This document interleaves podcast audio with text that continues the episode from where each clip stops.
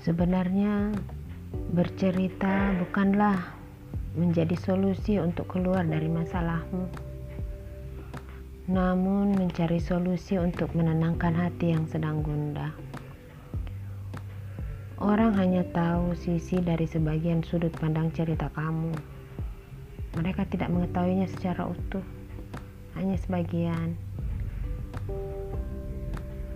Tentang keputusan itu tentu saja kau lebih mengetahuinya. Kamulah sutradaranya. Orang lain tak pernah merasakan jati dirimu dan tak pernah merasakan jadi dirimu. Orang lain tak mengerti ceritamu secara utuh. Jadi, jika ceritamu berkesan buruk, Tentu saja orang yang mendengar ceritamu akan memberi pendapat menyesuaikan isi cerita yang kau ceritakan.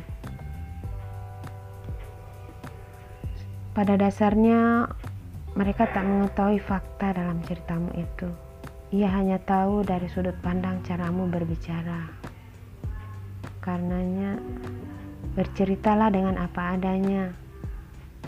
Meski Kesan baik atau buruk orang lain saat bercerita tidak dapat diukur hanya dalam sebagian isi cerita yang ia sampaikan.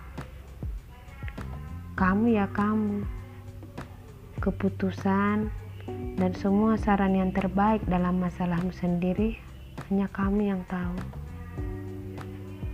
Karena yang merasakan sebelumnya adalah kamu juga. Begitu juga dengan jalan ceritamu yang sebenarnya.